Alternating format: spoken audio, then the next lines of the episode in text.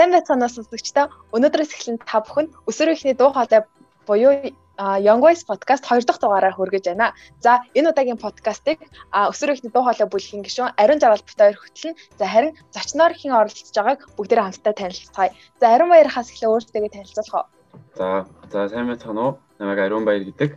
Аа тэгээ Young Voice бүлгийн эхлээс нь ахуулаад ингээд өдөө хүртэл оролцоод явж байгаа гишүүн байна.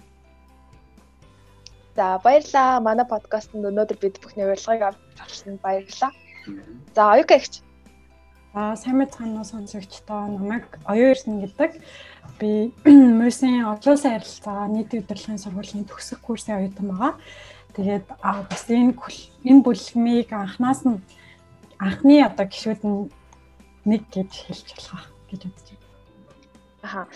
За яа харахгүй бид бүхэн яг анхны гişүүдээ оролцуулсан байгаа. За тэр ч утгаараа өнөөдрийн подкастын сэдэв бол за өсвөр ихний дуу хоолой бүлгийн одоо хамгийн анхны хийжсэн томоохон ажлуудын нэг болох за нэгдсэн үндэсний байгууллагын хүүхдийн эрхийн хороонд бичижсэн Монгол хүүхдүүдийн хөндлөнгийн илтгэлийн талаар өнөөдөр бүгдээрээ ярилцах байгаа. Тэр утгаараа бас энэхүү илтгэлийг яг оролцож гар би бичгэд оролцож исэн тэр үеийн одоо өсвөр ихний дуу хоолой бүлгийн бүлэгт байж исэн хүүхдүүдийн төлөөл болох ариун байх оюука ягч хоёроо урьж оролцуулсан байгаа. За тэгэхээр эхний асуултаараа бүгдээрээ за нэгдсэн үндэсний байгууллагыг хөндлөгийн ихтгэл гэж яг юу юм бэ? За энэ яг ихтгэлийг улс орнууд яг яах гэж бичдэг юм бэ? Тэгээд яг энэ ихтгэлийг одоо Монгол хүүхдүүд бичих болсон одоо ингээд зорилго нь юу юм бэ? Энэ энэ одоо хөндлөн ихтгэлийг бичих одоо боломж одоо хэрхэн олдсон бэ?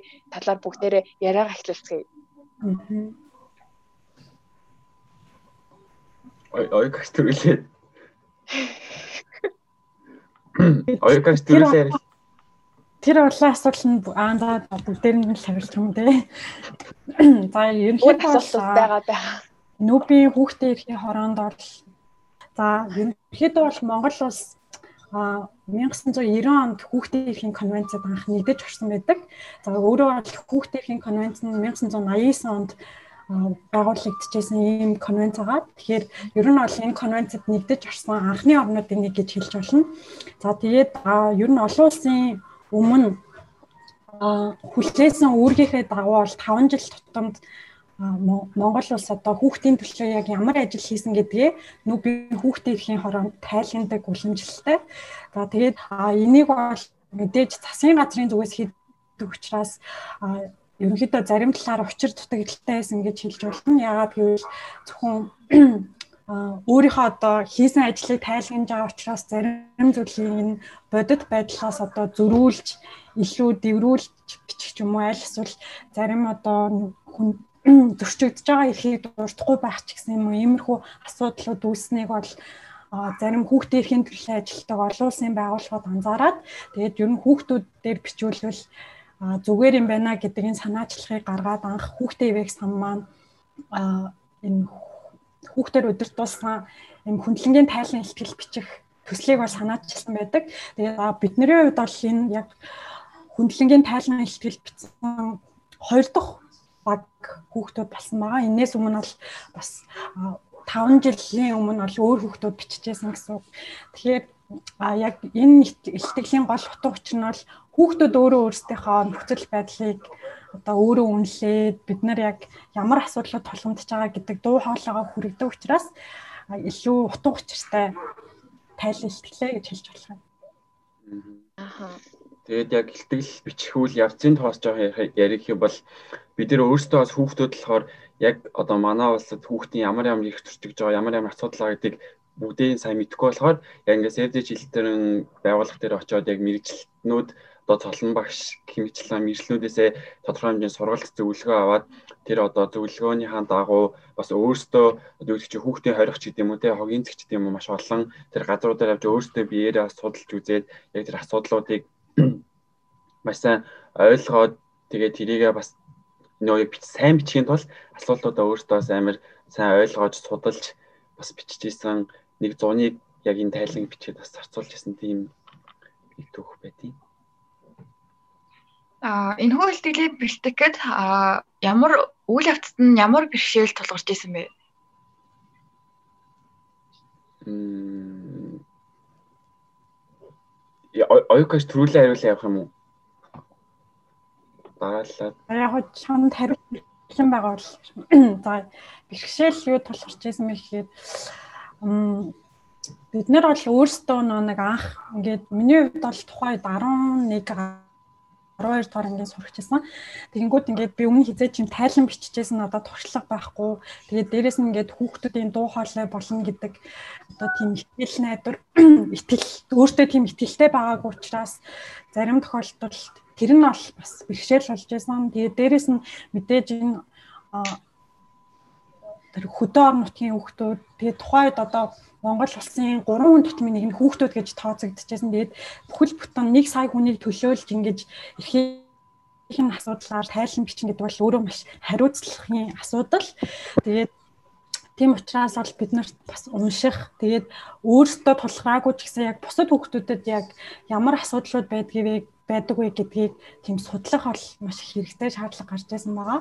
Тэгээд а бид нар бас мэдээж хүүхдүүд учраас яг ямар асуудлын илүү одоо онцлогууч гэх юм уу ингээд зарим техникийн асуудлуудууд дээр бол хүүхдийн сангийн маань арга зүйн чиглүүлэг байсан учраас тэдгээр хүндрэлүүдийг бол амжилттай давж гарсан.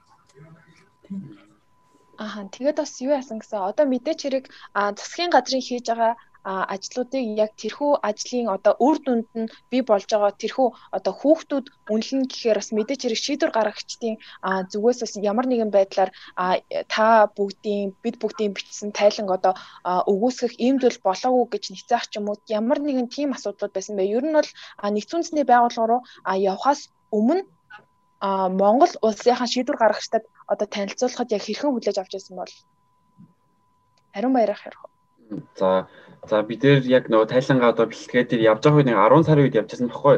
Тэр тэрнийхээ өмнө одоо өмнөх 100 тэр хугацаанд ингээд өөр өөр байгууллагууд болон засгийн газарт ингээд тайлангаа ингээд танилцуулаад янз бүрийн одоо хэвлэлийн байгууллагч гэдэг юм уу юм тайлан илтгэлийн тийм ийм үйл ажиллагаануудыг зөндөө хийсэн.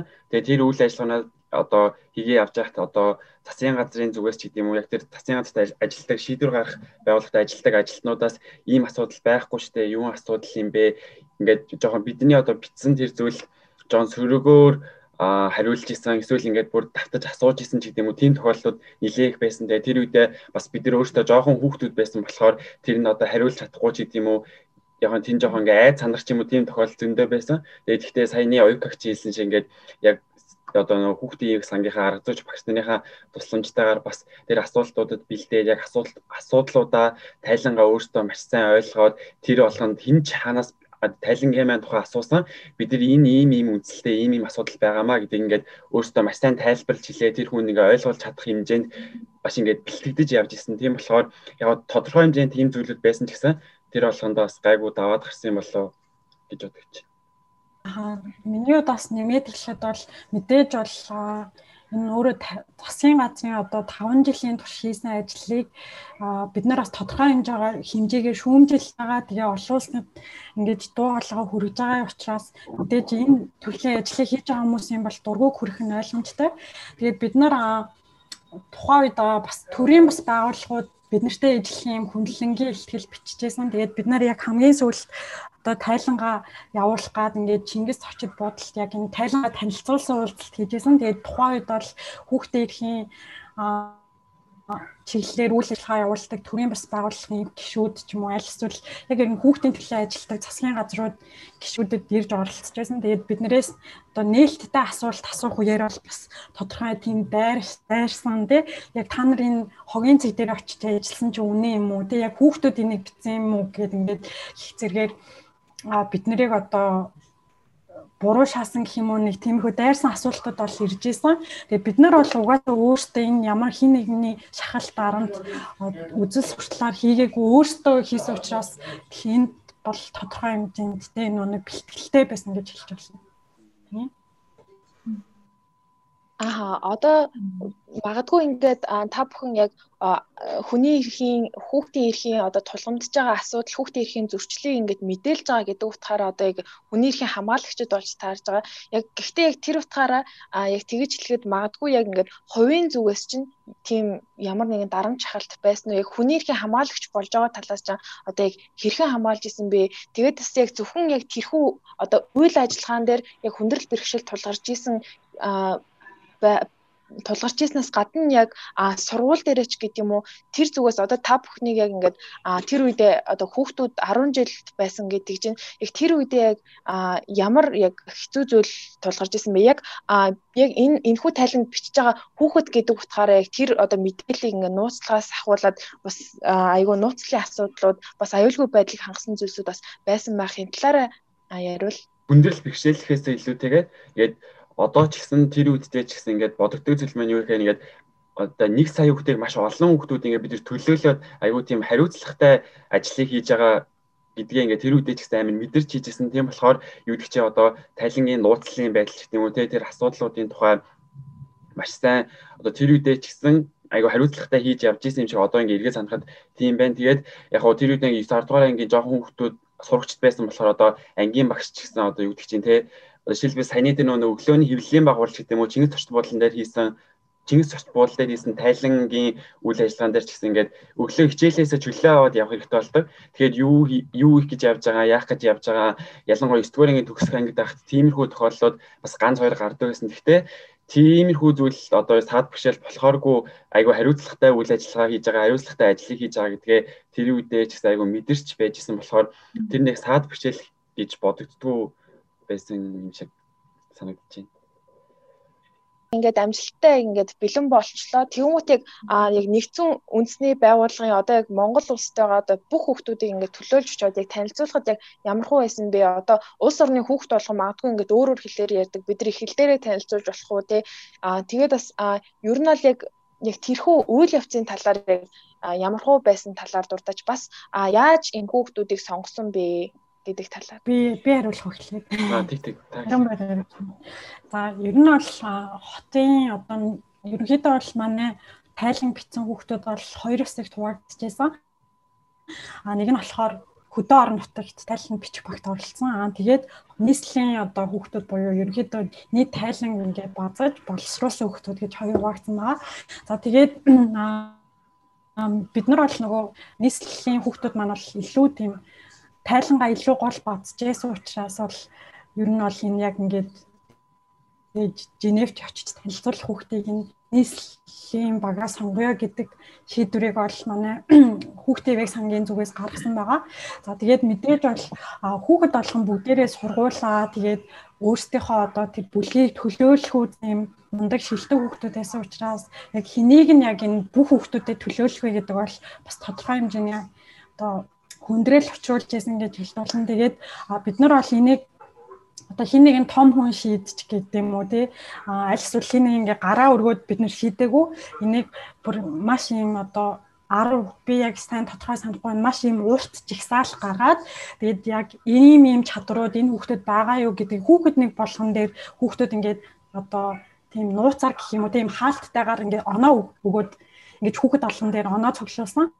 Тэгээд а тэгээд хамгийн сүүл яг хин дээр нь хамгийн их оноо цугларсан бэ гэдэг дээр одоо тэрийн тунгааж үзээд тэгээд ингээд боломжийг олгожсэн байгаа.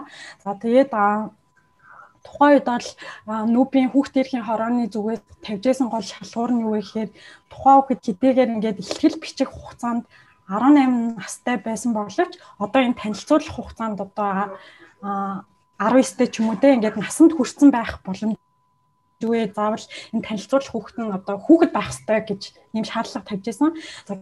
Гэтэл бол миний хувьд бол би бас өөрөө яг тайлан бичих хугацаанд 18 тайсэн мөртлөө а яг танилцуулах хугацаанд бол ингээд 19 таа болсон ийм асуудал үүссэн.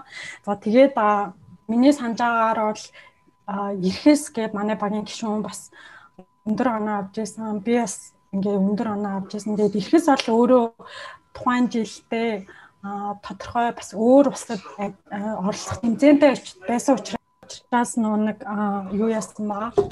Өөрийнхөө саналаар бол танилцуулах энэ нэр дэвшилтээс бол огцорсон. Тэгээд дараагийн одоо хүүхэд тийм одоо насанд хүрээгүй хүн хэн байсан бэ гэхээр манай Ариун Баяр байсан. Тэгээд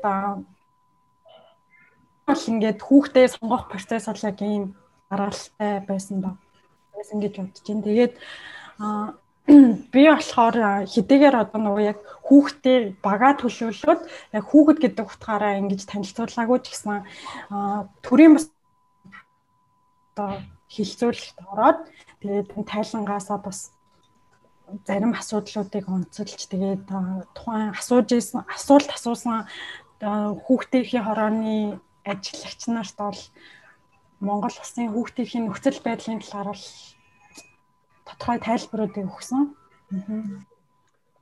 За тэгээд би ингээд айгу адтайгаар ч тийм үү те ингээд уул нь бол оюукагч эрхэс ах хоёр маань ингээ хамгийн өндөр оноо аваад тэг ер нь бол чадварын хувьд ч гэсэн ингээд тэр үе чинь би жоохон байсан болохоор ингээд яг асуудлаа илүү сайн танилцуулж чадах одоо хүмүүс маань ингээд болцоог болцсон нөгөө насанд хүрцгээгээд эсвэл нэг нэгэд тэмцээнд оролцоолоод тэгээ яг ингээ хүүхдүүдийн бага төлөөлөөд явах хүүхэд нь бий болж ингээд шийдвэр гараад тэгээ ингээд Швейцар руу явсан.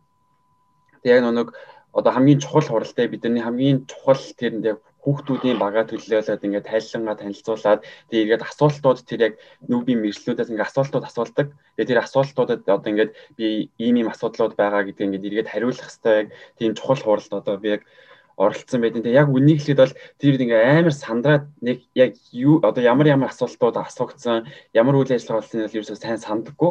Тэгээ ямар ч зэн тийш ингээ орхосоо өмнө ингээд ер нь ер нь л ингээл тэрээс хідэн сарын өмнө ингээл тайлангаа байн байн уншаал те жишээлбэл энэ асуудал энэ асуудал асуудлын тухай асуувал юу гэж хариулах вэ гэдэг юм уу амар тэгж бэлдэж очоод яг хурал дээр ороод айгүй сандарсан тэгээ айгүй сандарсандаа а миний хувьд бол зөвхөн одоохондоо тэр үедээ нэг сайн байж чадаагүй гэж боддог. Тэгээд ямар ч хурлын үйл явц ерөнхийдөө ямар байсан бэ гэхээр ингээд манай нэгдсэн үндэсний байгууллагын мэрэгчлэн багш маань ингээд миний орчуулагчийг хийж өгөөд хажууд маань суужсан. А тэгээд нэг 2-оос 3 яг ингээд мэрэгчлэн нүби мэрэгчлэлтэй маань ингээд хамт суугаад тэгээ ингээд эхлээд ингээд би ингээд тайлангаа товч танилцуулаад тэрний дараа ингээд надаас одоо тэр хүмүүс маань тайлантай танилцаад одоо ийм ийм зүйлийг нэмж асуумаар байна. Үнэхээр ийм асуудал байд юм уу ч гэдэг юм уу те. Зөвл энэ асуудал яг ямар байдаг ч юм ингээд илүү дэлгэрэнгүй асуух гэсэн асуултуудаа тэр хүмүүс асууж исэн. Тэгээ одоо яг ганцхан санаж байгаа асуудал гэх юм бол дотор байранда хүүхдийн эрхийн тухай асуул асуудлын тухай нэг асуулт асууж исэн. Тэгээ тэрийг бас яг хариулснаа санаж ин тэгснээс бол яг хурлын үйл явцын тухай тэр үед аягүй сандарсандаа нэг сайн сандгүй юм. Тэгээд хурал дуусаад гарч ирээд бас цолон багштай ингээд хоол идээ сууж захта өнөөдөр ийм байсан тийм байсан ингээд бас ярилцаад сууж исэн. Тэгээд ерөнхийдөө бол тэр өдөр аягүй сандарсан л өдөр байт юм. Миний амьдралдаа аягүй сандарч исэн. Тэгээ мэдээж нэг сая хүүхдийг төлөөлөөд тэгээ мөн ингээд өөрсдөө асуудал байгаа нэ тэрийг ингээд яг ингээд тэр байгууллагт ингээд тэр чухал тэр одоо орон зайд очиод ингээд ярьж чадахгүй хүмүүс маш олон байгаа. Тэгээ тэр олон хүмүүсийг би ингээд төлөөлөөд надаа ингээд ганц л боломж байгаа. Би аль болох олон асуудлыг тэнд ярьж иж аль олон олон товч бөгөө тодорхой зөв ингээ асуудлуудаа ярьж иж тэр мэн үр дүнтэй болно байх хэрэгтэй зүйл яадаг. Тэгээ тэр зөвхөн ингээ миний дуу олон дээр байж байгаа болохоор тэрүүд ингээ айгүй хариуцлагыг мэдэрч ирсэн айгүй сандарч ирсэн тийм дурсамж байдیں۔ Юу гол асуудал нь юу байсан бэ? Ерөнхийдөө бол бид нар ингээд яг хүүхдийн эрхийн тухай асуудлынх гол чухал чухал бөгөөд чухал бус гэж яллах нь бас жоохон тийм зүйлтэй. Гэхдээ ингээд тэр одоо бид нар тайлангааг нэг бүлэг бүлгээ нэг хуваагаад яг биччихсэн. Тэгээ ингээд яг өөртөө ингээд бүх тэр тайлангийн үйл явцад оролцож байхдаа тэгээд яаралтай шийдвэрлэх хэвээр асуудлууд гэж одоо бид нар өөртөө зур хувьдаа мэдэрчсэн. Оо энэ дээр оюукагч төрүүлээ хариулах уу? Бодоод чинь жоохон Ер нь бас нэг тайлангийг хэрхэн бэлтгэжсэн яг хүүхдүүдээс судалгаа авч ирсэн үү эсвэл ярилцлага хийж ирсэн үү яг хэрхэн яг тэр өөр өөр бүлгийн хүүхдүүдтэй ингээд олж очиж ингээд уулзж ирсэн бай тэр талаараа ярих уу? А ерөнхийдөө бол тэр зохион байгуулалтын ажил бол бүгдээрээ хүүхдийн сайн арга зүгээр дэмжижсэн болохоор тэрийг бол дандаа хүүхдийн сайн хариуцжсэн байгаа. А бидний хувьд бол одоо миний байгаагаар бол хөдөө орон нутагт ингээд бүлэг хүүхдүүдийн дунд хилцүүлэг явуулаад тэгээ тодорхой асуудлуудаар хилцүүлэг явуулаад чамд ийм яг тулгарч исэн асуудал болгоныг ингээ кейс кейсээр нь хүүхэд болгоноос ингэж яриулж авсан. Тэгээд сүүлд нь бид нар болохоор нөгөө нийслэлийн хөгтөд болохоор тэр бүх асуудлуудыг нэгтгээд хамгийн олон давтагдж байгаа асуудал нь юу вэ?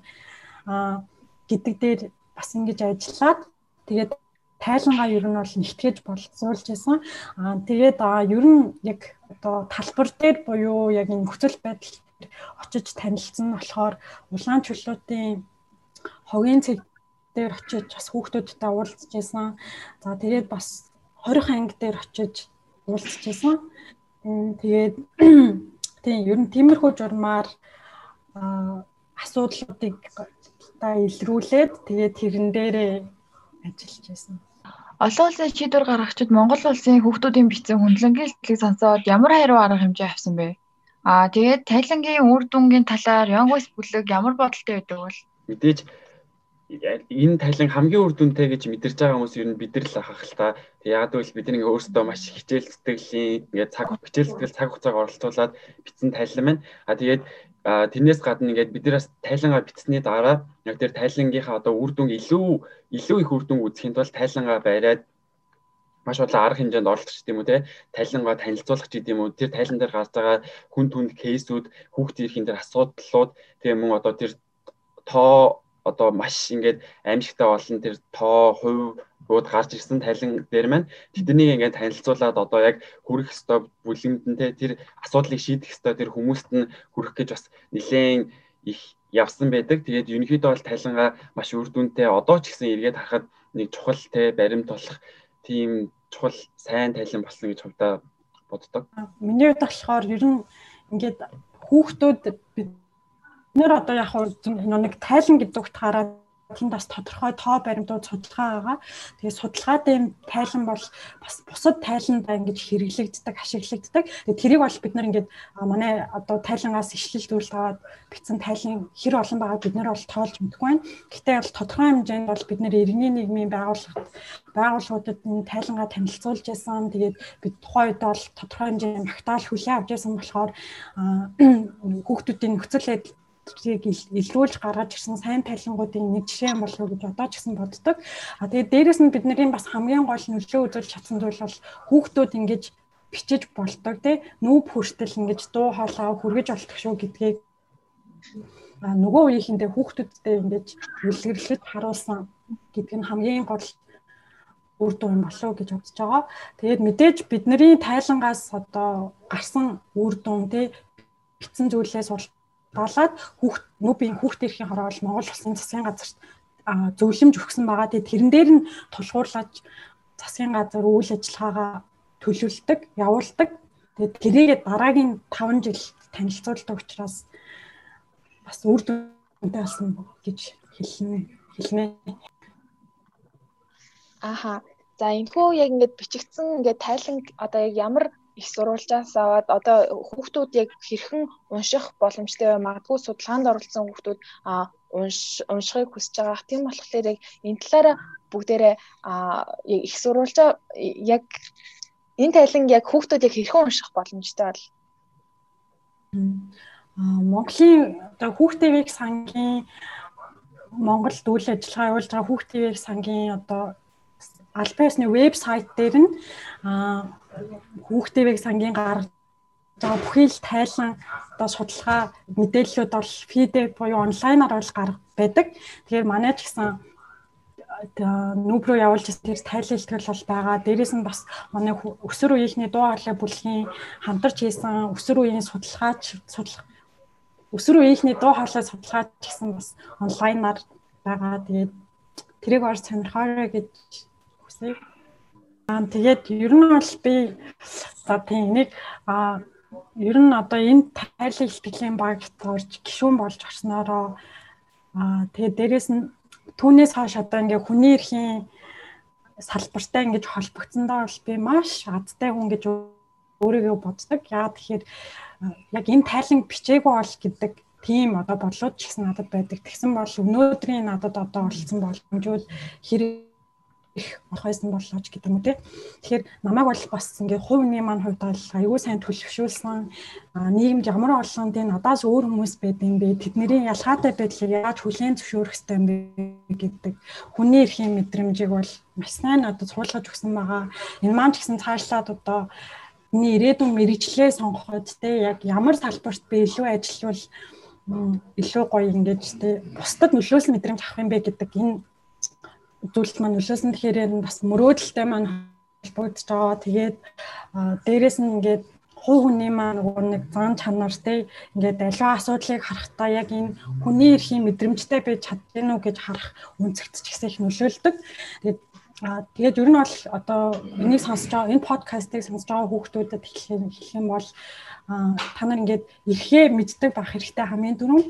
Тэгээд мэдчихэвэл бас тэрийгэ зөрчигдөж байгаа дуу хоолойгоос хүрэгдэг байх хэрэгтэй шүү гэж хэлмээр байна. Аа миний хувьд болохоор хэрэг цаг хугацааг хурааж болдог гэх юм бол яг үнэхээр тэр нөгөө хуралд оролцсныхаа нэг 2 3 сарын өмнөх үерүүгээ юм эсвэл хуралд оролцох үерүүгээ ингэж буцаад илүү сайн оролцохыг хүсдэг тийм бол хаяа төрдөг байхгүй. Одоо ингээ эргээ ботсон ч гэсэн айгүй чухал тийм хариуцлагатай тийм боломж бас олцсон байдаг.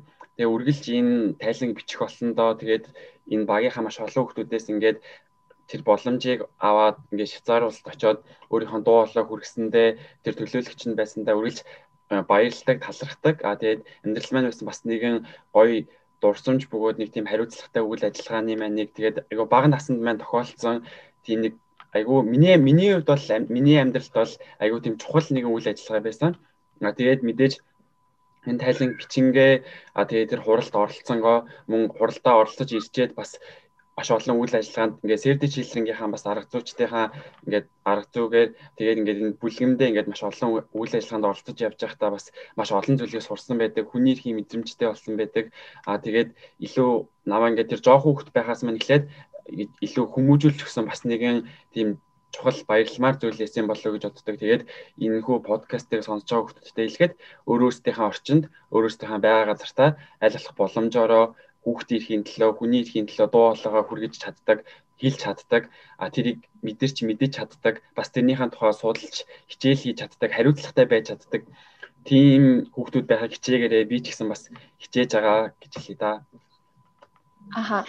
За яхаарахгүй а Нэгдсэн үндэсний байгууллагын хүүхдийн эрхийн хороонд Монгол хүүхдүүд хөндлөнгийн ихтгэл бичсэн байдаг нь тэр тусмаа энэхүү ихтгэлийг Young Voice бүлэг удирдсан байдаг нь за Young Voice бүлгийн өсвөр үеийнхний дуу хоолой бүлэг өсвөр үеийнхний дуу хоолой 1 өсвөр үеийнхний дуу хоолой 2 3 за мөн одоо бид бүхний эхэлж байгаа арчслын төлөх шинэ үе хэмээх төсөл ингээд хэрэгжүүлэх бүх зүйлийн үндэс нь бас Young Voice бүлэг анх нэгдэж байгуулагдах үндэс нь бол за энэхүү ихтгэл байсан юм шүү гэдгийг бас энд дурдмаар байна. За мөн бол одоо магадгүй хэрвээ монгол хүүхдүүдэд дахин нэг тийм боломж олдоод ахаад хүүхдүүд өөрсдийнхөө ихтгэлийг өөрсдийнхөө үзэл бодлыг өөрсдийнхөө одоо тулгамдаг асуудлыг үнэн зөвөөр тэр хүүхдүүд ингээд тайлбарлах тэгэж ихтгэл бичих боломж олдох юм бол энэхүү подкаст маш үр дүнтэй байх болно ах гэж бодож байна. Тийм болохоор бүгдээрээ хүүхдийн ивэх сангийн Монгол дахь веб хуудасаар орж энэхүү тайлан илтгэлийг заавал уншаарай. Магадгүй бид бүхний ерөөсөө энэ асуудал зөрчиг эрх зөрчигдөж байгаа байдал мөн үү биш үү биш гэж хардаг ч гэсэн тэр маань одоо